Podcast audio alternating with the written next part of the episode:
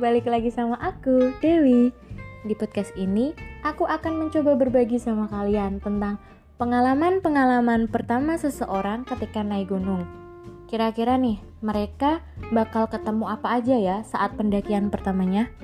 Mungkin mereka ketemu sama teman-teman baru, hmm, gebetan baru, atau hal-hal baru, dan yang paling apes mereka ketemu sama penghuni di sana kalau di gunung istilahnya mereka lagi disapa sama penghuni di sana kan mereka tamu mereka pendatang. Jadi penghuni-penghuni di sana itu penasaran sama mereka.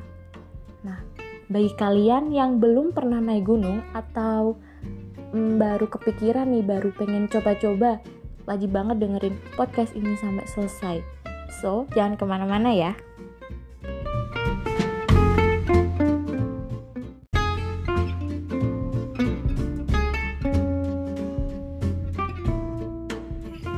Oke, kalau kemarin aku udah kedatangan bintang tamu yang super keren abis, seorang cewek pendaki. Sekarang aku kedatangan bintang tamu yang gak kalah kerennya.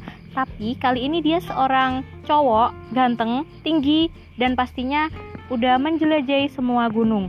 Pasti di pikiran kalian, pendaki cowok itu udah biasa. Eh, tunggu dulu, dia ini spesial loh. Kenapa kok aku bilang spesial? Karena dia sering banget puasa waktu pendakian. Nah, kebayang gak kalian? Puasa nih nggak minum nggak makan tapi dia kuat naik gunung. Apa sih rahasianya? Nanti kita tanya ya. Lalu gunung-gunung yang didatanginya ini tuh terkenal dengan cerita-cerita mistisnya. Semakin penasaran tunggu dulu.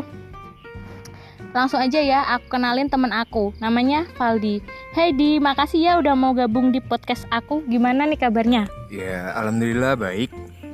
Oke okay. uh, eh, kamu awal pendakian itu mulai kapan? Mulai SMP. SMP udah daki? Iya, udah nyoba-nyoba daki ke gunung-gunung pendek di Pati. Di mana tuh? Di Muria, Terus? atas angin. Oke. Nah, dari beberapa gunung yang udah kamu daki nih, ada nggak sih gunung yang menurut kamu paling spesial, paling punya cerita yang nggak kamu lupain itu di gunung apa? Uh, di Gunung Lawu. Kenapa kok di Gunung Lawu?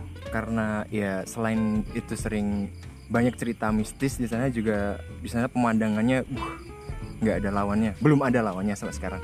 Oke, bisa diceritain nggak sih kamu itu ketemu apa aja sih selama pendakian?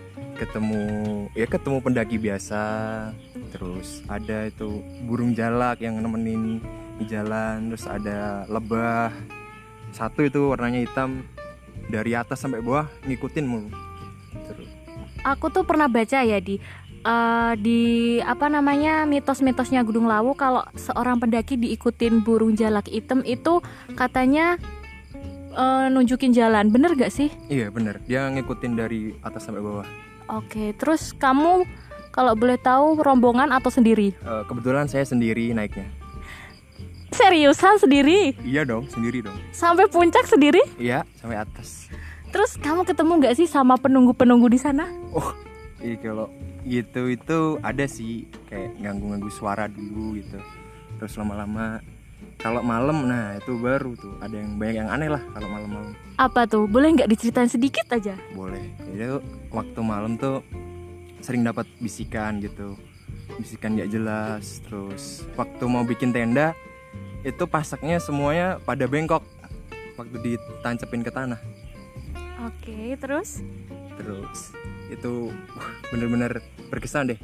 Terus air mata airnya pun kebetulan waktu itu lagi kemarau kan. Jadi waktu itu nggak ada mata air sama sekali. Jadi harus beli di warung yang buka situ. Kamu dakinya via apa? Via Cemoro Sewu. Cemoro Sewu itu di di Maget Magetan. Magetan. Kenapa nggak pilih di Candi Ceto? Kan lebih berasa tuh mistisnya. Kenapa nggak pilih di situ? Oh, karena terlalu apa ya resiko terlalu jauh juga sih nunggu selain treknya itu panjang itu dia itu banyak jalur yang nggak belum saya tahu kalau di Cemoro Sewu kan itu gampang naiknya tinggal lurus aja naik udah gampang oke kamu kapok nggak sih naik gunung nggak pernah kapok Kenapa kok nggak pernah kapok? Ya selalu ada yang indah okay. di akhirnya. Terus tips-tips buat teman-teman yang ingin mendaki atau pendaki pemula lah apa tips-tips sederhananya? Tipsnya itu yang pertama itu nomor satu harus fisiknya kuat. Yang kedua mental. Itu mental tuh harus nomor satu sih. Harus kuat. Kalau nggak kuat mental itu, waduh, mending jangan naik dulu deh. Soalnya banyak lah cobaannya. Maksudnya kuat mental itu gimana sih? Ya nanti di ketika kita muncak itu banyak ujian-ujian yang disediakan alam ketika kita naik dari atas ke bawah itu banyak sekali ujian. Entah capek entah sedih entah lapar itu tuh kayak nggak bisa ditahan gitu. Lebih besar lah godaannya Oke, nah terakhir nih pesan untuk teman-teman pendaki apa? pesan untuk teman-teman yang mau mendaki itu ber- berolahraga dulu ya olahraga. Kedua makan yang cukup dan yang sehat. Terus jangan sombral dan jangan buang sampah sembarangan. Udah sih itu aja. Oke nih, kalian udah denger sendiri kan? Tips-tips dan uh, pesan-pesan juga ada cerita-cerita dari Valdi yang habis mendaki dari Gunung Lawu. Gimana? Kalian penasaran sama Gunung Lawu? Coba deh kalian rasain sendiri sensasinya. Oke, kalau kalian pengen dengerin cerita-cerita tentang gunung lagi, jangan bosan-bosan dengerin aku ya. Sekian, terima kasih.